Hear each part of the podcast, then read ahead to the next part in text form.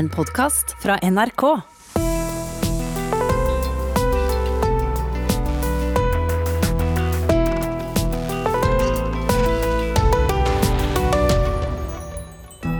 Om du savner sommeren, kjæresten eller jula da du var barn. Om du fyller liv med tradisjoner eller ikke syns det er noe særlig å feire. Uansett hvor du befinner deg, hver dag får du møte de jeg har mest lyst til å være sammen med. Fordi de har en historie å fortelle, er godt selskap, eller fordi jeg endelig får mulighet til å stille alle spørsmål jeg har lyst til. Mitt navn er Hilde Sandvik, som i dag sitter her sammen med Johan Shamugatra... Ja, dette har jeg trent på! Jeg har trent så sinnssykt på akkurat dette. Du gjør meg nervøs. Jeg venta på det. Ja, ja, du gjorde det. Jeg vurderte å spørre først, men jeg jeg Ja, men jeg har altså trent. Jeg var så flink. Jeg Du må bare trekke pusten, og så blir jeg rett fram. Shanmugaratnam. Det er bare veldig mange bokstaver. Ja. Du er Klassekampen-journalist og har skrevet boka Vi puster fortsatt. Where is Public Enemy? What's the deal? What's your latest hit, brother? Fear of a Black Planet.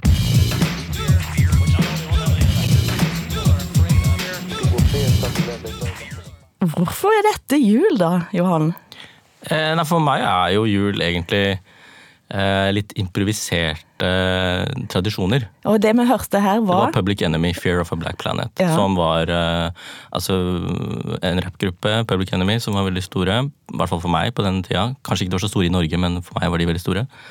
Um, og så hadde jeg en T-skjorte med, med logoen eller bilde av eh, en plata de hadde kommet ut med, da, som het Fear of a Black Planet. Mm. Og det var den T-skjorta jeg hadde på meg på julaften uh, en gang jeg var ganske ung i tenårene.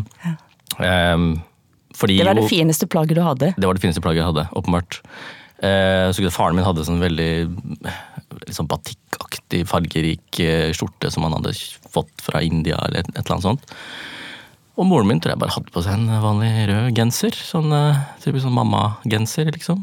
Eh, og altså, det er jo bare et uttrykk for at vi eh, eh, hadde jo ikke feira jul før vi kom til Norge. Mm.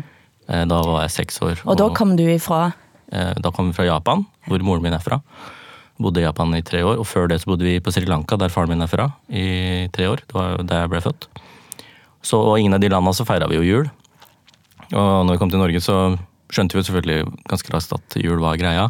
Og måtte egentlig bare finne opp på en tradisjon, da.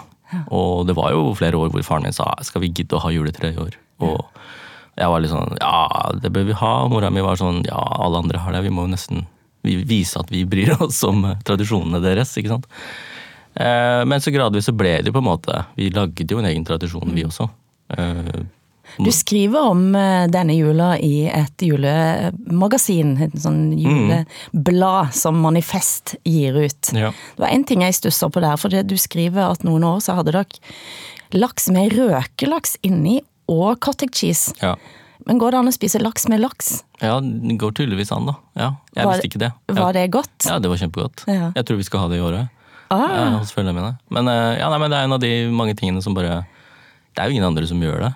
Eh, Men det var ingen som sa at vi ikke kunne gjøre det heller, så, så da ble det sånn, rett og slett. Men en av de julene du skriver om, Mm. så er du og din bror alene. Ja. ja, det er også litt så Jeg vet ikke om man bør si dette her offentlig, men Du har skrevet det, så Ja. det kan du si det. Ja, jeg vet ikke, jeg håper ikke noen ringer barnevernet. Men eh, nei, det, foreldrene mine skulle, på, skulle ta oss med på ferie til India. Eh, og da var broren min 18 år, og han ville ikke det. Han syntes det var veldig, veldig kjedelig, en veldig dårlig plan. Eh, og han nekta. Og så tror jeg at jeg også da nekta å være med, fordi han nekta. Og da bare sa foreldrene mine fuck it, vi, da får dere være hjemme, og så drar vi. Her er en bunke med cash, og vi har snakka med venner som dere kan være hos på julaften. Eh, Vi snakkes om en eh, uke, eller hva det var for noe. og så dro de. Men han var 18, det går jo fint. Det er jo han innafor. Ja, ja, ja. Og det var jo helt eh, topp, det for oss. Bortsett fra altså, det var jo liksom Skjønte jo at det var noe som var kanskje Dette er ikke helt normalt. Og du fant òg de tinga som ingen skulle vite om hvor var. Nei, altså jeg, eh, ja, altså Faren min hadde laget eplevin. Han han hadde ikke laget eplevin, han hadde satt eplevin som åpenbart ikke var ferdig. Ja. Så man har også sagt til broren min at eh, alle her vet at det er eplevin i kjelleren, eh, men ikke drikk den. Fordi, ikke fordi liksom, ikke drikk alkohol, sånn, ikke drikk den, for den er ikke ferdig. Eh, og broren min hadde jo fest, og jeg serverte den vinen til de vennene hans, og alle spøy. Er det jo blitt en juletradisjon? Eh, ja, heldigvis ikke. Det har det ikke. Men Johan, du eh, kom altså til Ås da du var Seks år. seks år. Mm. Eh, og fortell litt om det møtet med Ås. Ja, altså jeg eh, var jo overraskende ikke, bekymringsløs da vi kom til Norge. Eh, broren min er fem år eldre enn meg, og jeg husker at han var veldig mye mer bekymra og, og kanskje nervøs. da. Fordi han hadde da bodd på Sri Lanka, gått på skole der, flytta til Japan, begynt på skole der, lært seg japansk.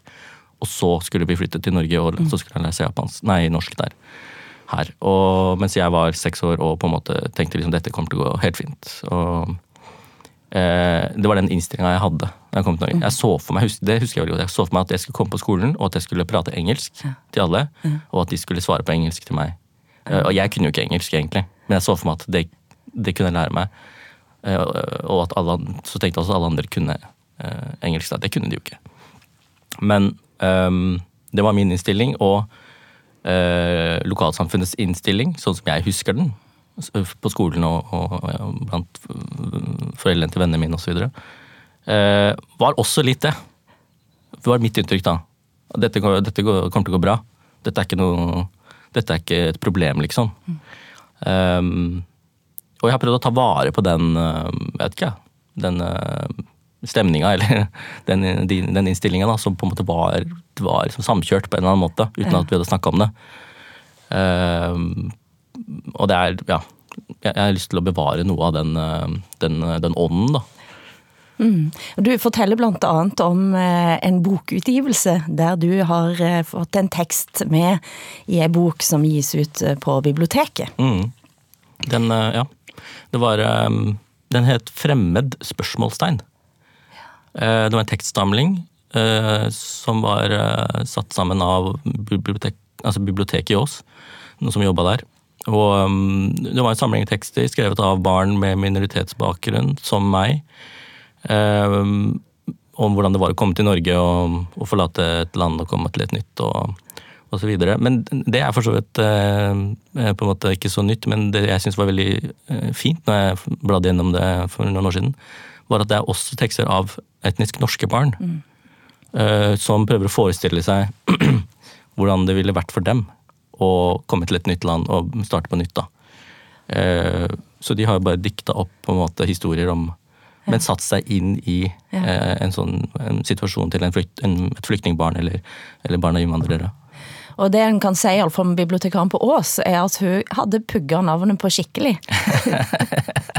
Ja, det hadde hun nok. ja. Så hun, hun har rykka litt lenger fram her, men du kommer hjem eh, og skriver i din dagbok nå er jeg blitt berømt. Ja, Det skrev jeg på japansk, for jeg skrev på japansk i dagboka. Ja. Mm. Ja, nå har jeg blitt berømt, for jeg havna i avisa. Eh, Flere aviser. Og um, ja, ble intervjua og tatt bilder av og sånt. Og det, ja, det var jo nok, nok en sånn Hvis du leser Aftenpostens artikkel om den, eh, den dagen, av bokdagen i Ås i 1989, så eh, en lang tekst og veldig fin tekst.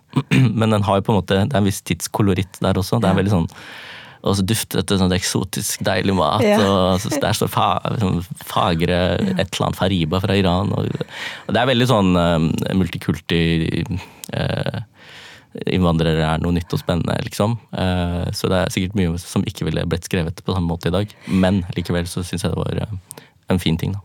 Det er for når jeg leste den historien der, så jeg er jo litt eldre enn deg, mm. men jeg husker veldig godt fra jeg spilte i skolekorps. Mm. Og jeg tror det var i rundt 1980, så var det flykt, den store flyktningedagen. Eh, Og der korpset hadde spilt, lært seg flyktningmarsjen. Ja.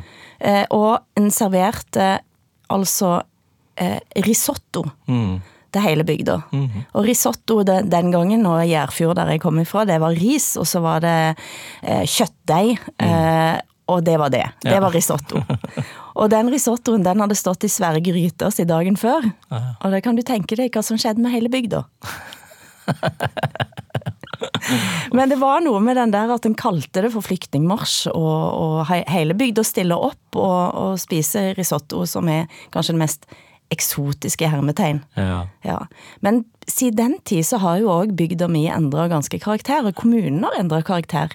For nå har en jo befatning med flyktninger og folk som kommer på en helt annen måte enn en hadde da jeg vokste opp. ja. Der det var noe som en kunne tenke fine tanker rundt og spille marsj, marsj til inntekt for. Ja, ikke sant.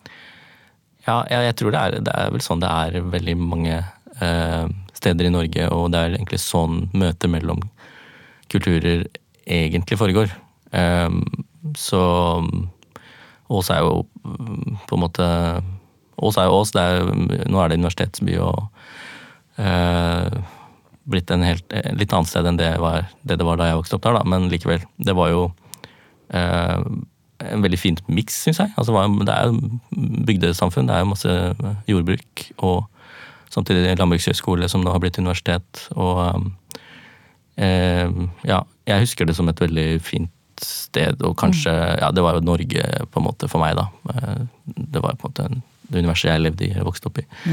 Um, og jeg tror vi ofte glemmer det da, når vi snakker om innvandring eller eh, rasisme eller flerkultur. At um, virkeligheten er ofte ikke sånn som den vi diskuterer i sånne studier som det her. Og så må vi spole eh, ganske mange år eh, fram i tid. Mm. Eh, du har eh, fått deg en kone, kjæreste, to barn. Eh, det er en sommerdag.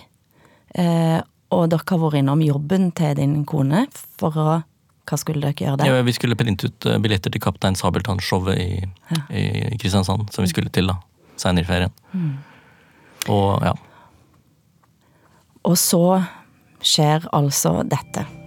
Fredag 22. juli kjørte Breivik inn i regjeringskvartalet. Han parkerte den hvite varebilen. Utkledd som politimann forlot han bilbomba.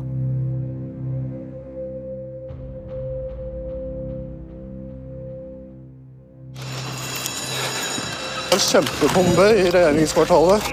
Akersgata ved VG-bygget. Eksplosjon.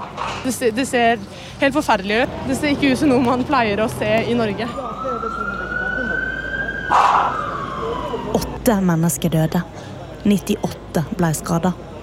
Mens det var kaos i regjeringskvartalet, kjørte Breivik til Utøya. Dette var altså fra VGTV. Eh, Det er nå straks ti år siden. Eh, Og hvor nær var du, Johan? Eh, vi var på Youngstorget. eh, det hjørnet der hvor Orlensbutikken lå, hvor det Sparebank1 ligger nå. Så det var eh, ja, det er bare rett ned den lille bakken fra regjeringskvartalet til Jungstorget. Youngstorget. Og dere hadde vært inne i høyblokka. Vi, var ikke inne i Høyblokka, vi var- inne i det som var Arbeidsdepartementet. Altså, men på samme plassen, da. Så, og hadde gått over den plassen forbi Høyblokka og kunne vel egentlig i teorien se bilen. da. Jeg husker ikke om vi så den eller ikke nå, men uh, Og eh, ja, forlot en eh, kollega av uh, hundene som jeg var sammen med på den tida. Og uh, hun gikk jo da mot Høyblokka og skulle vente på noen der, så hun, hun døde jo den dagen. Hun gjorde det. Og henne hadde dere akkurat sagt farvel til. Ja. Mm. Og så Nei, så sto vi jo og så opp til eh, Så på røyken og prøvde å skjønne hva som hadde skjedd, men altså, vi skjønte jo ikke det. Skjønte jo ikke det da. Men uh, det ble sagt i innslaget her at uh, ja, det så ikke ut som Norge eller Oslo, da. Og det er, det er jo bare virkelig sånn det var. Altså dette er sånn Kunne vært en scene fra Sri Lanka eller mm. Libanon eller Somalia, liksom. Ja. Og der hadde du to små barn eh, oppe i eh, barnevogn. Mm. Eh, og du, dette beskriver du, dette er åpningsscenen i boken Vi puster fortsatt, Mm. som kom nå i, i uh, høst. Mm. Og hele boken er et brev til de to. Ja. Og du beskriver denne, denne følelsen, du sier at altså det, den lyden som er der, er som om det er en stor kjempe som, som røsker, som, som et lite barn, som kaster rundt seg. Kan du si litt grann om hva som gikk gjennom hodet ditt da du sto der? Um, ja, jeg, ja, det er den beskrivelsen jeg klarer å Altså den mest presise beskrivelsen jeg klarer å uh, bruke, da. Om selve lyden og eksplosjonen. At liksom, ja, det var som noen rev, rev byen i, i to og kasta delene sint i, i, i bakken. Um, og um, jeg tenkte først at eh, det, var helt, det var en helt ekstrem høy lyd, og så kjente, jeg jo trykket også. Uh, og så husker jeg at jeg tenkte at eh, hæ, er dette en ulykke, liksom? Tenkte jeg. Hvor, er, dette, er det en gasseksplosjon? Jeg sa det egentlig også. Sånn, er, er det kanskje en gasseksplosjon? Så bare, men det her er jo ikke en gasseksplosjon. Jeg tenkte det inni meg at liksom, det, det må jo være et eller annet annet. da. Um, ja, så skjønte vi ikke før litt seinere hva som hadde skjedd, men uh, ja, det var en et, ja, veldig sånn ubehagelig følelse, rett og slett. Nei, fordi du, eh, da denne boka kom ut, så skrev Aftenpostens kritiker Ingunn Økkeland at eh, den, av den litteraturen som kommer nå, til 22. juli, så er det mange som har hatt et eh, perspektiv utenfra. Eh, og, og boka di er på mange måter òg en opprulling av en historie om Norge. Eh, og eh, hvorfor begynner du akkurat med denne dagen? Jeg, jeg gjorde det fordi at det er den dagen som, er, som sitter sterkest i kroppen min. Altså, jeg, jeg syns fortsatt det er ubehagelig å høre sånne, sånne, eksplosjonslyder. Eller en dør som går veldig hardt igjen. Eller, så det er på en måte helt sånn fysisk sitter i meg fortsatt. Og um, man kommer liksom ikke helt uh, over det. Man blir liksom aldri helt ferdig med det. Um, samtidig så er det en, en, hendelse som jeg tror nordmenn, alle nordmenn altså har et eller annet slags forhold til. Mm. Uh, noen sterkere enn andre, men likevel. Uh, og det er et nasjonalt traume. Uh, det er personlige traumer, men det er også et nasjonalt traume. Og på en måte også ytterpunktet, eller eller bunnpunktet, da. Mm. I, i, i en utvikling i Norge. Når jeg sier én utvikling, jeg sier ikke utviklingen i Norge, fordi det er så mange trender og endringer som pågår samtidig, men dette er det ultimate bunnpunktet mm. eh, i en av strømningene og trendene som vi egentlig har sett i flere år, og som jeg prøver å spore litt eh, tilbake ved å, ved å gå ja, tilbake til historien, da, i nær, nær historie. Mm. Nei, for der begynner òg din egen forhistorie å, å, leve på en annen måte. Mm ting du har opplevd som har blitt parkert, eller mm, satt i en liten skuff, eller Ja. Det er fordi man er jo opptatt av å passe inn, uh, som hvis man er annerledes kommer utenfra. Mm. Så det er masse ting som jeg uh, har sortert bort, ja, som du sier. Uh, fordi det på en måte skurra med den fortellinga som vi skulle være en del av. Jeg sa at vi kom til Norge med en veldig positiv åpen innstilling, og at Norge også tok meg imot med en tilsvarende innstilling. Og det er jo bare delvis sant, fordi det er jo ikke sånn at det ikke skjedde episoder, eller mm. at jeg ikke følte meg eh, utafor. Men de tingene eh, For det første var det for meg på en måte underordna. Uh, og så var det også litt fordi at jeg bestemte at det skulle være under, underordna. Mm.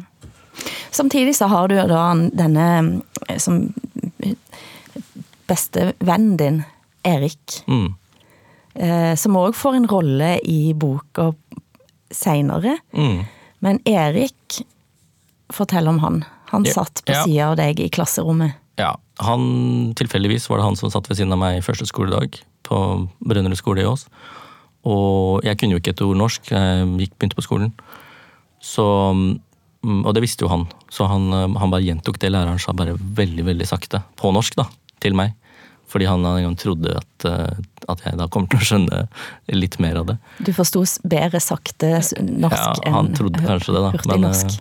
Men, og det, og det er jo, jeg ser at Han satt tilfeldigvis ved siden av meg, men, men, det var ikke tilfeldig at det var han som hadde den uh, tilnærminga. Uh, fordi etter den dagen så husker jeg at foreldrene hans var de som gikk bort til foreldrene mine og begynte å snakke med dem og inviterte de hjem til seg. Ja. Og og han har selvfølgelig han har fortalt seinere at liksom, ja, han har bare husker at det var det han var lært opp til. liksom, At ja. vi, vi er antirasister. Vi skal ta imot innvandrere, og vi skal behandle dem bra, og vi skal bli kjent med dem. Mm. Og det var en del av hans eh, opp, eh, altså, oppdragelse, da, rett og slett. Og han blir jo da også litt sånn tilfeldig eh, med i videre forløpet i boka, fordi han ja, på et tidspunkt ender opp med å bli banka opp av eh, Ole Nikolai Quisler, som jo Ja, og, ja. ble kjent seinere. Ja, og, og, og din vei inn i antirasismen òg. Du leser Bydelsbudder, eksempel. Mm. Eh, du begynner å se deg sjøl med kanskje altså, Ikke noen andre briller, men med et, et tydeligere språk. Mm. Ja, jeg var jo litt sånn jeg håper å si jeg jeg var søkende, men jeg er jo fortsatt veldig søkende. Hele boka jeg har skrevet er jo også eh, et, bare et ledd i å prøve å finne ut av, av hvem jeg er og hvor jeg kommer fra. Men um, um, min, min inngang til antirasismen var på en måte Det høres veldig rart ut, men det var egentlig via f.eks. en person som Eirik, da, eller andre. eh, norske hvite eh, unge som var aktive politisk. Eh, og jeg har vokst opp i et politisk hjem og på en måte oppfostra med antirasistisk teori, antikolonial historie, klasseanalyse, også alt det der. Men det var fortsatt veldig abstrakt for meg. Selv om jeg hadde liksom opplevd og sett rasisme på nært hold, så klarte jeg liksom ikke å gå inn i det på samme måte som, eh, som jeg så f.eks. en person som Eirik eh, gjør. da. Eh, og det er også et oppgjør med meg selv når jeg forteller og, og skriver om dette. Altså, jeg var feig. Jeg ville bare passe inn. Jeg ville ikke lage trøbbel. Og det tror jeg veldig mange som, folk som ser ut som meg i Norge, eh, også tenker. Altså, jeg skal ikke lage bråk. Eh, foreldrene mine, altså foreldrene deres, da. Hardt arbeidende mennesker som eh, sikkert opplevd masse ydmykelser og sånt, eh, og svelget det. eh, bare for at barna skal liksom ikke få mer trøbbel enn nødvendig. ikke sant? Og, og jeg også tenkt at ok, jeg vil bare passe inn. Jeg vil ikke rope og klage og syte, liksom. Um, jeg følte ikke at jeg hadde krav på noe. Det tror jeg også er noe som mange kan kjenne seg igjen at du bor i Norge, du kan ikke kreve liksom Du kan ikke kreve alt. Du skal være takknemlig for det du har. Så jeg måtte få noen utenfra, noen hvite mennesker som faktisk liksom sa ja, men det her er ikke greit, vi må eh, jobbe mot dette, osv. Det der har jeg lyst til å snakke mer med deg om, men, eh, men bare som et lite sånn historisk bakteppe før vi kommer også til 22. juli og Anders Behring Breiviks eh, grusomme handlinger, eh, så har jo òg Norge noen eh, forløpere. Eh, den ene Arne Myrdal, som du òg snakker om, jeg skriver om i boka. La oss høre et lite klipp fra da Arne Myrdal fra FMI, Folkeaksjonen mot innvandring, måtte stå på tiltalebenken etter å ha banka en som møtte opp på motdemonstrasjon. Arne Myrdal i aksjon. Landsmøtet til FMI på Fevik i april 1990 utviklet seg til et veritabelt slag mellom Myrdals tilhengere og tilreisende demonstranter. Fire av demonstrantene ble skadd. Myrdal kalte seg voldsforsker da han møtte i Sand herredsrett i Grimstad i dag. Han er tiltalt for legemsbeskadigelse og legemsfornærmelse. Aktor politiinspektør Magnus Andreassen understreket at Myrdal hadde kommandoen under slaget. Høyesterettsadvokat Erik Jems Onstad mener Myrdal handlet i nødverge da han angrep demonstrantene.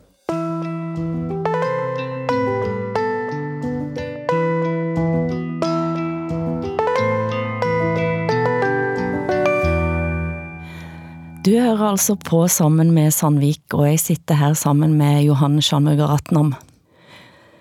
Husker du dette, Johan? Ja, det husker jeg veldig godt. Um, jeg husker uh, opptak av Myrdal med sånn veldig sånn fargerik Sånn som jeg husker da, Som strikka genser. Og så- som så ut som en sånn uh, typisk bestefar i nabolaget, uh, men som gikk med en kølle og sa til de andre eh, følgerne hans at eh, kom, nå tar vi dem, og så løp etter eh, antirasistene. Og det mm, gjorde veldig inntrykk, og eh, ja, det var på en måte han jeg var redd for da jeg var liten. Um, og, men det gjorde også inntrykk da å se eh, folk i Brumunddal som møtte opp og vendte ham ryggen eh, da han skulle holde tale. Og at folk gjorde det, mange flere gjorde det akkurat det samme på Jungstorget. Da han prøvde å holde tale der også. Um, og den type aktivisme syns jeg eh, på en måte også er viktig å ha med videre. Altså, det var også Norge på den tida. Mm. Ja. Men så skjer det som du så vidt har eh, vært innom. Eh, din venn Erik er på en fest Mm. i Drøbak, Mm. Og så eh, Ja. kommer det en inn døra ja. og begynner å hisse stemning, Mm. eller? Ja. Nei, altså han visste jo ikke hvem dette var den gangen. Uh, typisk ungdomsfest hvor folk drakk, og så kom uh, en bil, og så en nynazist som begynte å ja, agitere, liksom. Få, få opp uh, aggresjonen i, på festen, da. Snakke om innvandrere og, og um, og Eirik mm, På et eller annet tidspunkt så klarer han ikke å holde seg lenger, så han, ehm, han begynner å krangle med henne. Og foran de andre. Og det var ingen andre som gjorde det. Altså det var ingen, andre, ingen som sa eller gjorde noen ting uh, før Eirik gjorde det. Um, og, og da sier ikke han uh, nynazisten noen ting. Han står bare og ser på han og svarer ikke, prøver ikke å argumentere imot eller noen ting. Eh, og til slutt så får Eirik høre av de andre på festen at eh, han burde komme seg unna. Eh, og han dro fra festen over en golfbane i Drøbak. eh, og blir eh, eh, Men hører at noen løper bak han og blir hoppa på av eh, denne personen, nynazisten, og en person til da, som begynner å, grisebanke han. Det var da eh, Ole Nikolai Quisler som mm. gjorde dette. Mm. Og som seinere senere gjør noe grusomt. Ja. Det var bare noen år før eh, Benjamin eh, Hermansen ble drept. Så det, er altså, det har, Jeg har jo visst dette hele tiden, men for først når jeg begynte å sette meg ned med boka, så tenkte jeg, tenkte jeg over det. At Norge er så lite. At uh, ja, det er så lite at uh, folk eh, kjenner mm, folk som har blitt utsatt for, for disse tingene. Da. Eh, og, og ja, jeg er også en av dem. Så, men det gir, kanskje, gir oss kanskje også en, en fordel i den forstand at det er kanskje lettere å sette seg inn i historier og episoder eh, når flere kan fortelle eh, med en viss eh, nærhet til fenomenet. Da. At det var sånn det var. Dette skjedde. Dette rammer eh, meg, min venn. Det kan ramme deg neste gang. Så det, det er kanskje eh, Om ikke annet så er jo det en, kanskje en bra ting med Norge også. Nei, og, og, og Benjamin Hermansen, eh, det, eh, han blir drept samme år som 11. september. Og du, i den boka din, så, så, så blir det på mange måter et prisme Mm. dette året. Ja, På hvilken måte? fordi eh, Benjamin ble drept i januar 2001, og det er vel mange som fortsatt husker fakkeltoget etterpå. 40 000 mennesker i, som gikk i fakkeltog.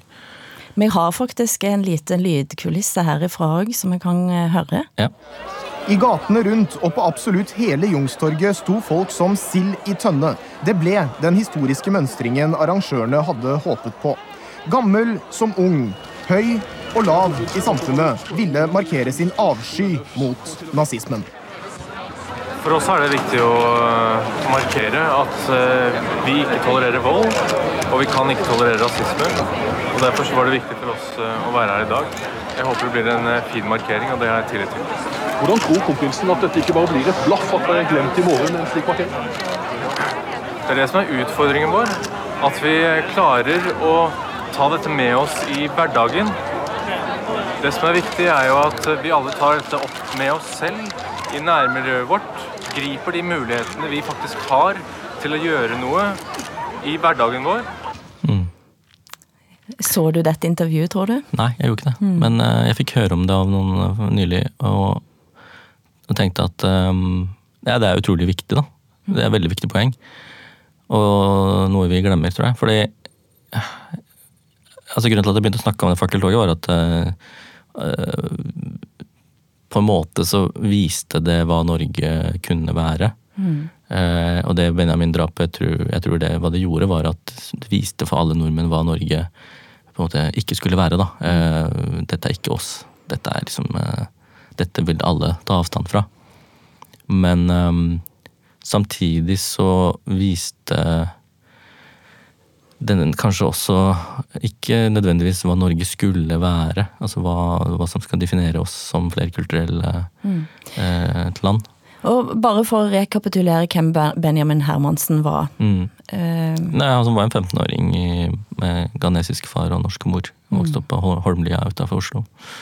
Um, og han ble vel tilfeldig offer for eh, et rasistisk drap da Quisler og hans eh, kamerat eh, og eh, kjæreste eh, kjørte rundt rett og slett for å se etter noen å banke. Mm. Eh, og ja, han ble jo jagd og overmanna og drept med kniv. Mm. Så det, det gjorde jo voldsomt inntrykk, selvfølgelig. At, eh, og at, det var, at han var tilfeldig Han var ikke tilfeldig innenfor sånn at han var jo åpenbart eh, hudfargen som gjorde at han ble drept, men det kunne jo vært meg, da. Kunne vært noen andre. Så mm, det var jo veldig skremmende. Eh, og jeg, som sagt, det forente på en måte Norge på en måte som kanskje ikke hadde øh, skjedd før. Mm. Eh, samtidig så var det også, som kronprinsen her var inne på, eh, det å ta avstand fra at et barn blir drept pga. hudfargen, er jo på en måte det det minste vi kan forvente at folk, eh, folk gjør. Så mm, det der med hverdagen, da. Mm. Nærmiljøene. Hva, hva er det som skjer i nærmiljøet ditt? Hva er det som skjer på arbeidsplassen din? Hva er det som skjer på skolen din? Um, det er jo ja, like viktig å, å snakke om. Men hva tror du det betyr, sånn som det, det i det klippet fra Dagsrevyen her eh, Mm. med kronprinsen, så står han ved sida av eh, sin søster, Mm. eh, og står i bresjen, og en ser hele Karl Johan fylles, og, og plassen foran Stortinget fylles. Mm. Hva betydde det for deg den gangen? Eh, nei, jeg Nei, jeg følte at eh, verden hang litt sammen fortsatt. Eller at Norge hang sammen, og eh, Dette Altså, en, det var en tragisk hendelse som eh, på en eller annen måte kanskje vekte folk eh, som ikke så for seg at dette kunne eh, skje i Norge. Jeg hadde jo gått i demonstrasjonstog for å markere krystallnatta. For eksempel, det var De første demonstrasjonene jeg gikk, gikk i, var at vi tok toget fra, fra Ås til Oslo. Så gikk vi eh, i tog for å markere årsdagen for krystallnatta og mot nazisme osv. Men um, jeg hadde jo ikke aldri sett en nynazist. Selv om jeg visste at det eksisterte. Jeg visste at folk eh, var redde for dem. Men, eh, men her var det på en måte Ja, her var de synlige. og Eh, Det var en av eh, vennene til Benjamin som sa i et eh, intervju, tror jeg, i etterkant av hendelsen, at eh, gjerningsmennene hadde prøvd å gjøre, gjøre dem usynlige. Altså gjøre Benjamin og folk som så ut som han, usynlige. Altså eliminere de. Og, og, og hun ville at eh, vi skulle vise at eh, de ikke hadde lyktes med det. og er derfor de hadde liksom kommet ut i gatene og mobilisert og, og skulle gjøre seg synlige. Um, ja, Mm. det gjør inntrykk. Nei, jeg, jeg eh, du, altså, du skriver i denne boken her at uh, dette året, 2001, blir sentralt. Ja. Og hvorfor det? Nei, fordi bare noen måneder etter um, denne oppvisningen i solidaritet og uh, medmenneskelighet og, og inkludering, da, så skjer jo 11. september i USA. Og det får jo vidtrekkende følger altså, for nesten hele verden. Og Norge. Um, uh, først og fremst fordi, altså, for USA og de som døde der i terrorangrepet. Og um, Men det utløste også en slags, jeg vet ikke, en malstrøm som, er, som vi fortsatt er i. Eh, Av eh, ikke bare militær konflikt, ikke bare invasjon, okkupasjon, bombing, ikke bare tortur, alt det der, men også som i mangel av noe bedre ord, slags kulturkrig som stadig tar nye former, eh, og hvor muslimer er de som som regel, i mine øyne, blir utsatt for eh, marginalisering, ikke bare marginalisering som de allerede er- blir utsatt for, men også stigmatisering og demonisering. Og den rasismen som, som jeg på en måte har vært vant til å, å, eh, å, å, tenke på og analysere og observere, eh, tok en litt annen form. Mm. ved at den begynte å rette seg mot eh, innvandrere med altså Folk som vi før ville kalt pakistanere, ble plutselig omtalt som muslimer. Eh, Folk i Storbritannia som alltid har blitt kalt for eh, British Asians, ble da plutselig British Muslims. Um, og det brakte oss inn i liksom et nytt farvann, da. en ny fase i eh, Også i Norges uh, nyere historie. Nei, jeg er jo opptatt av, av dette på mange vis, og jeg uh, var debattredaktør i Bergens Tidende etter 22. juli. Og det som opp, altså rett og slett ja, overraska meg, var at bare få dager etter 22. juli, så begynte det å komme ganske hissige meldinger, eh, debattinnlegg fra folk som mente at landet var i ferd med å bli ødelagt. Jeg tok faktisk vare på veldig mye av dette som et historisk dokument òg, fordi at eh, det sa noen ting om at de store rosetogene som, som en gikk i, eh, det var mange som ikke gikk der. Og særlig var det et stort hat mot Arbeiderpartiet. Jeg leste det nå igjen nylig, fordi at jeg skal bruke det eh, i en det, det, er en utstilling som skal være i løpet av neste år. Men, eh, eh, men tilbake til det med å vokse opp sammen, da, Johan, så har jeg lyst til å rett og slett snakke med deg om det òg nå. Hva, hva, gjør en? Eh, hva, hva, er målet, og hvordan kommer dit at en kan leve sammen uten at en får Benjamin Hermansen-saker, nye 22. julier, eh, grusomme hendelser som en ikke ønsker i sitt land. Ja eh, altså, Når jeg, jeg, formulerte meg sånn i boka, eh, så var det også for å Jeg vet ikke eh, Ikke ufarliggjøre, men eh, avmystifisere det å leve i et flerkulturelt samfunn. Mm. Altså det å De fleste kan forholde seg til det å, å, vokse opp sammen, altså i en familie eller en annen konstellasjon. Og det er jo alltid problemer. Altså det vil være gnisninger, det vil være friksjon, det vil være åpen konflikt. Eh, det vil være veldig sterke følelser. da. Litt sånn som det er med, når vi snakker om innvandring og det nye eller flerkulturelle Norge.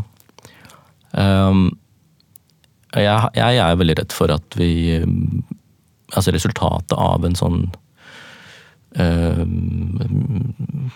mistro som bare får lov å sette seg, øh, er at vi slutter å snakke sammen. Mm.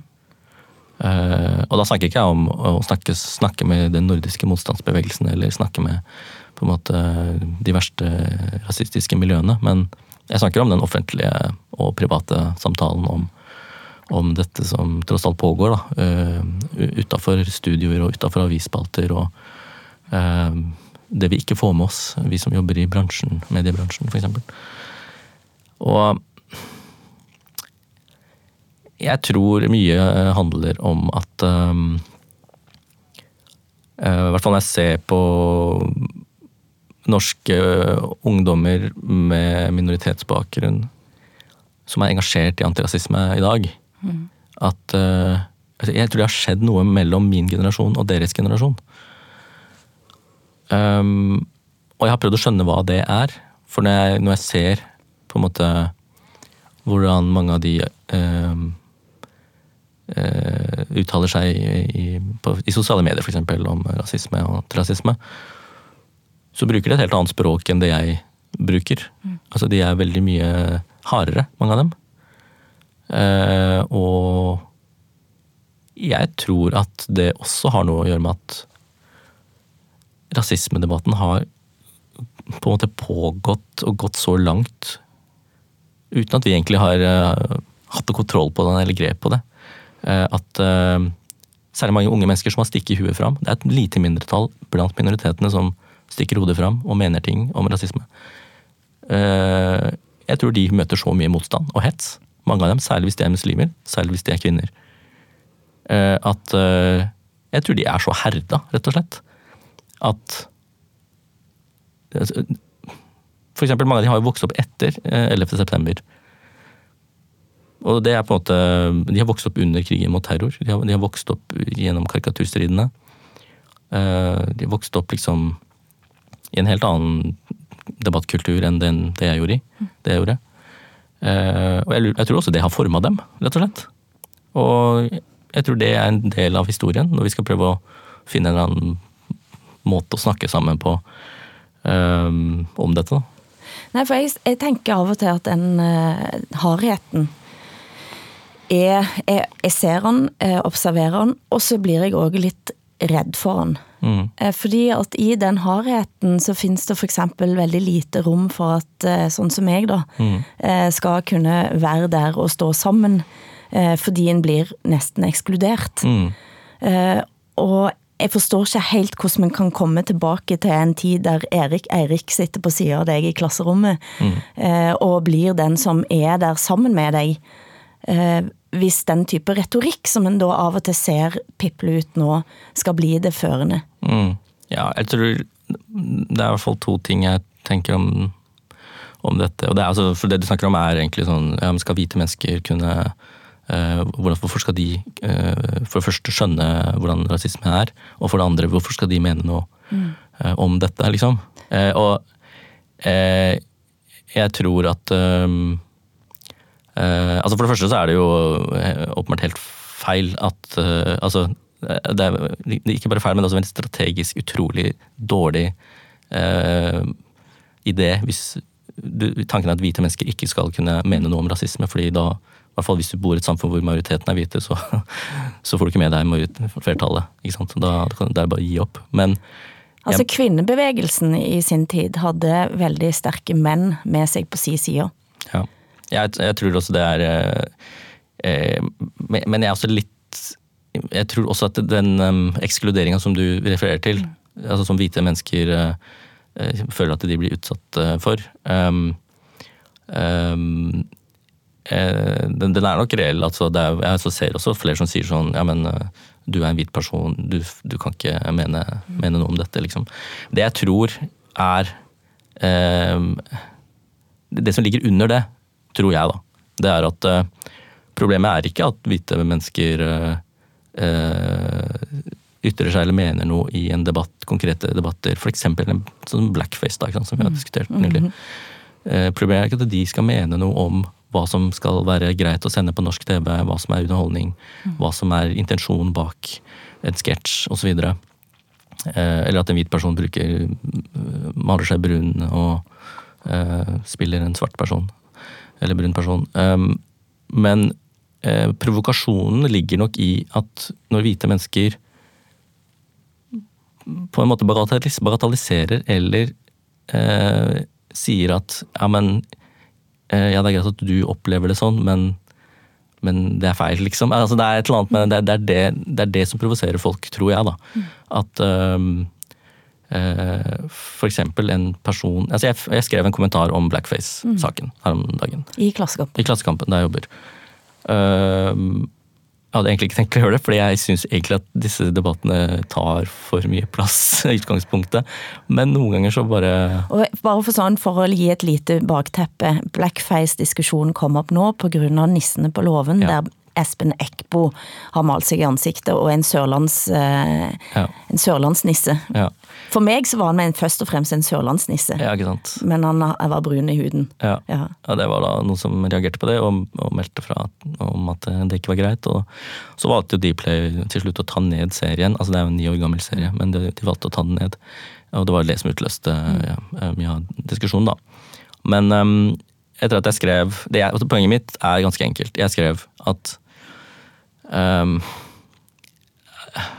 Altså, jeg skrev at um, man kan selvfølgelig uh, diskutere alle disse tingene i, om, om uh, hva som er blackface.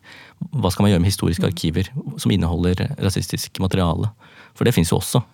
Uh, og jeg syns det er fint at NRK ikke tar bort det, selvfølgelig. Um, men i de diskusjonene så må vi også prøve å forstå, i det minste forstå, hvorfor noen sier eh, dette er ikke greit. Eh, fordi jeg føler noen ganger at motreaksjonen er så massiv. Altså, når det dukker opp sånne saker, så syns jeg at det kommer sånn der veldig kompakt motreaksjon fra folk som jobber i min bransje, som mediefolk, eh, eller folk, professorer som jobber med ytringsfrihet eller andre ting, som er helt sånn eh, Ja, men dette er en fullstendig avsporing. Dette, hvorfor snakker dere om dette nå? Dette er, en, dette er å avspore den antirasistiske kampen. Vi må heller snakke om dette og dette og dette. Og det fascinerer meg, egentlig. Mer enn disse ungdommene som sier eh, jeg, jeg syns faktisk ikke dette er morsomt. Fordi alle vil jo uh, være med å le Mm. når det fortelles en vits. Det er, og det er ganske interessant, for jeg har skrevet bok om hersketeknikker. Og holder veldig mange foredrag om hersketeknikker. Eh, og det å ikke le med eh, når det blir fortalt en vits som egentlig ikke er noe morsom, er jo en måte å slå tilbake på. Men samtidig så pleier jeg alltid å si på de foredragene òg at hvis en tenker at en er utsatt for hersketeknikker, han så meg ikke, eh, husker ikke hva jeg eh, følelsen av å bli latterliggjort, så påhviler det òg et ansvar å undersøke hva det var som hadde skjedd. Altså speile en situasjon, og si at når, når du eh, glemte å invitere meg med på, på det møtet, eh, så kunne jeg oppleve det sånn og sånn. Og så kan en få beskjed om at nei, men de hadde en dårlig dag, eh, det er en dårlig struktur på den arbeidsplassen, eller hva det måtte være. Og det er det, det er der jeg får problem. Fordi at eh, en eh, av og til virker til å hoppe på en konklusjon da, eh, om at en er blitt utsatt for noe, uten å undersøke hva det var som egentlig hadde skjedd. Mm. Og det forpurrer en dialog, tenker jeg. Og tilbake til din barndom og de du møter der, som kanskje av og til er klønete, men som òg ønsker godt. Mm. Så ga du de rom til å gjøre det. Ja. Du konkluderte ikke umiddelbart med at det du opplevde var eh, rasisme, eksempel. Nei. Men det er også 30 år siden, da. Ja. Jeg føler at eh, de unge som vokser opp nå, fortjener på en måte også eh, å slippe å måtte gjøre det jeg gjorde for 30 år siden, som var i alle situasjoner tolke ting i beste mening til helt til det punkt hvor det var helt komisk og parodisk. Altså hvor Jeg mener at jeg, har eh, en viss forståelse for at eh, de som er unge i dag, eh, ikke gidder det lenger. Men jeg, jeg skjønner selvfølgelig at det, du kan ikke kalle alt rasisme. Altså, det, noe, det gir fullstendig ingen mening å, å si at eh, eh, en hendelse som eh, Altså dikte opp på en måte en rasistisk situasjon, da. ikke sant? Jeg skjønner jo hva du snakker om, at det, det kan også skje. At, eh, men, eh, men likevel så Ja, jeg, jeg tror ikke vi, vi skal forvente at øh, unge uh, norske uh, jenter og gutter som er født i dette landet med foreldre fra et annet land, skal måtte på en måte tolke alt i beste mening hele tiden selv, sånn som jeg gjorde. Jeg har en forståelse for at vi burde ha kommet lenger siden den gangen.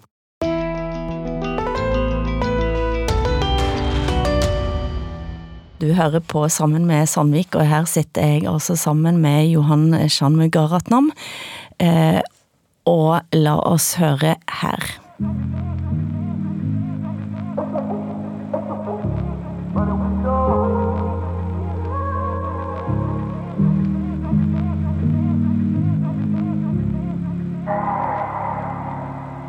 Jeg skammer meg. Jeg skammer meg. Jeg velger window hver gang shortinger kommer inn, ser jeg ut av vinduet. Jeg er jævla dust. Men jeg har utsikt. SAS pluss, SAS pussy. Dette er Karpe, Mm. og dette er SAS pluss SAS Pussy. Mm. Og du var og på konsert, eh, og spiller litt av dette òg, fordi det du skriver om i boka di er nemlig mange som kommer hit med fly. Mm. Mm. Ja. Eh, Det skjedde et eller annet da jeg var på Øyafestivalen og så de spille, eller avslutte festivalen i fjor. Og der har de sånn flytrapp som de har på scenen. da. Mm. Jeg, jeg hadde helt skjønt hva konseptet var, da. Men, eh, men det brakte masse minner tilbake fra de gangene vi reiste til og fra land og gikk opp og ned disse trappene. Da. Ikke for å dra på ferie til Syden, men etablere oss og starte, starte liv på nytt. Og jeg tror det er mange som har de assosiasjonene til flyplass. Mm. og det å være på fly. Det er Ja, man har vært på vandring, da. Mm. Så ja, jeg følte at jeg liksom skjønte noe når jeg sto der i pøsende regn og, eh, og så, på, så på Karpe opptre. Men det var også den samme dagen hvor eh, jeg fikk meldinger fra folk om at det hadde skjedd noe i Bærum. og eh, ja, Philip Mansas hadde drept søsteren sin og prøvde å drepe folk i moské i Bærum. Jeg husker, altså jeg fortalte om eh, Etter Benjamin drap på fakkeltoget, så sa venninna Benjamin at de ville ut i gatene for å vise seg fordi han hadde prøvd å, eh, Gjerningsfolk hadde prøvd å gjøre dem usynlige, men de ville være synlige. da. Eh, og Mansals, Philip Mansals, gjerningsmann i Bærum-terroren, sa jo i rettssaken at etter å ha drept søsteren sin, så Johanne, så hadde han snudd et sånn familieportrett av Johanne ned, altså med ansiktet ned, på vei ut av huset. han hadde gjort henne usynlig, da, ikke sant? bokstavelig talt. Så for meg så var det liksom en, ja, en sirkel som på en måte slutta litt, slutta litt der. Mm. Men vi puster fortsatt? Ja, det er jo det. Jeg har jo lyst til å beholde en viss optimisme og håp i, i boka mi, så det er derfor jeg valgte den tittelen. Mm. mm. Det er Kanskje bør jeg ikke gjøre dette, men eh, jeg har lyst til å spille dette. Ja, Vi er jo på Hedmarken her, så må tenke på en av hedmarkingene som har tatt seg en tur inn i Oslo. Og så gikk han rundt og glante. Så kom han bort til ei dør. Der sto det en ringeknapp, og så sto det 'Vær vennlig, ring' på knappen. Ja da, hedmarkingen klemte på denne knappen, han. Så kom det ut en Oslo-kar og lurte på hva han ville for noe. Nei, jeg ville ikke noe, sa han. Hvis jeg skulle klemme på denne knappen, så gjorde jeg det. Ja, sa Oslo-karen. Jeg kan høre hvor de kommer ifra, sa han. Da kan jeg fortelle dem det at der oppe på Hedmarken, der vokser det idioter uten at den dørker dem. Det kan godt hende, sa hedmarkingen, men her i Oslo, sa han. Her kommer noen fram, bare du klemmer på en knapp. ja, GT Sara. Det var GT Sara, ja. som døde ikke så lenge siden. Mm. Og du møtte GT Sara? Ja, jeg var, eh, gjorde portrettintervju for Klassekampen med GT Sara for ja. lenge siden. Og jeg tenkte på det jeg hørte GT Sara, at GT Sara spiller jo òg på alle fordommer. Her er det mm. hedmarkingen av Oslo, mannen som får sine pass påskrevne. Ja. Men hvordan kan vi klare å både kunne bevare det og le av eh, de, med de fordommene vi har, og samtidig leve sammen? Ja, det er, dette syns jeg er kjempeviktig, og det har jeg lurt litt på, for jeg, jeg syns hun er helt hysterisk morsom. Men, og jeg elsker komikere, fordi Eh, og jeg elsker jo de selvfølgelig som har de drøyeste vitsene. Eh, og som på en måte er på kanten. Det er jo ingen som ler av trygge vitser. Eller eh, komikere som er politisk korrekte hele tiden. Mm. Så Men ja, jeg tenkte på det, for jeg leste gjennom intervjuet jeg gjorde med henne, og jeg gjengir jo masse av disse vitsene. Og jeg vurderte når jeg la det ut som Det er sikkert noen damer som kommer til å reagere på dette, og det er sikkert noen Altså, det er hun hun gjør jo på en måte Hun går over en del grenser som eh, på en måte Men det er også det som gjør det morsomt. Mm. Eh, og ja, jeg vet ikke, men jeg tenker at det er en grunn til at f.eks. Ola Halvorsen, figuren til Herman Flesvig, eh, er den som på en måte gjør suksess i dag, og ikke den eh, Ekbo, Ekbo sin karakter med, med dette brune malte ansiktet. Og det er et eller annet med at altså, det er mer troverdig, og derfor er det kanskje mer morsomt. altså Man tuller med sine egne. Eh, og jeg syns jo det ofte kan være morsommere. Men humor det, altså, det er ikke mitt fagfelt, jeg skal ikke mene så mye om det. men Annet enn som konsument. Men du har lyst til å ha med GT Sara videre? Jeg har veldig lyst til å ha med GT Sara videre. Og det er også en tilhører en generasjon som på en måte er, er eh, på, i ferd med å, å, bli borte. da. Så jeg er hele tiden opptatt av at vi skal ha med mm. det som er bra, og som på en måte vi kan ta vare på, og burde ta vare på. Og ja, jeg syns hun representerer noe av det. Jeg spør alle, eh, hva vil du skal skje den dagen verden åpner opp igjen? Hva vil du skal skje?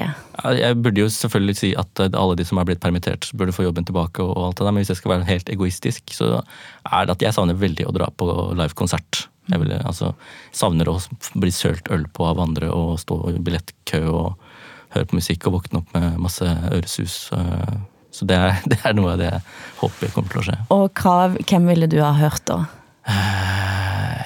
Jeg ville hørt Musti, en uh, ung artist fra Tøyen, som uh, er den nye stjernen som uh, vant uh, årets nykommerprisen i P3 Gull. Mhm. Hun er stort forbilde.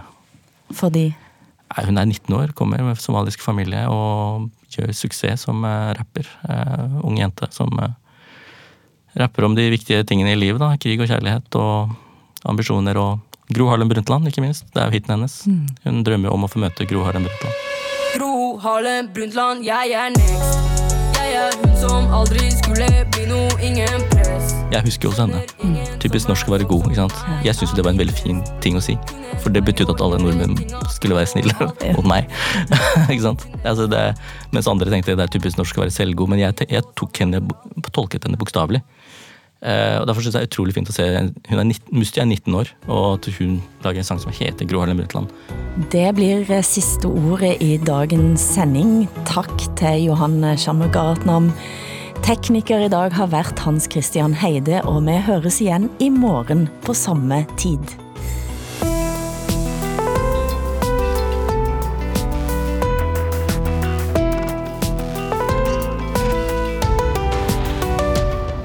Du har hørt en podkast fra NRK.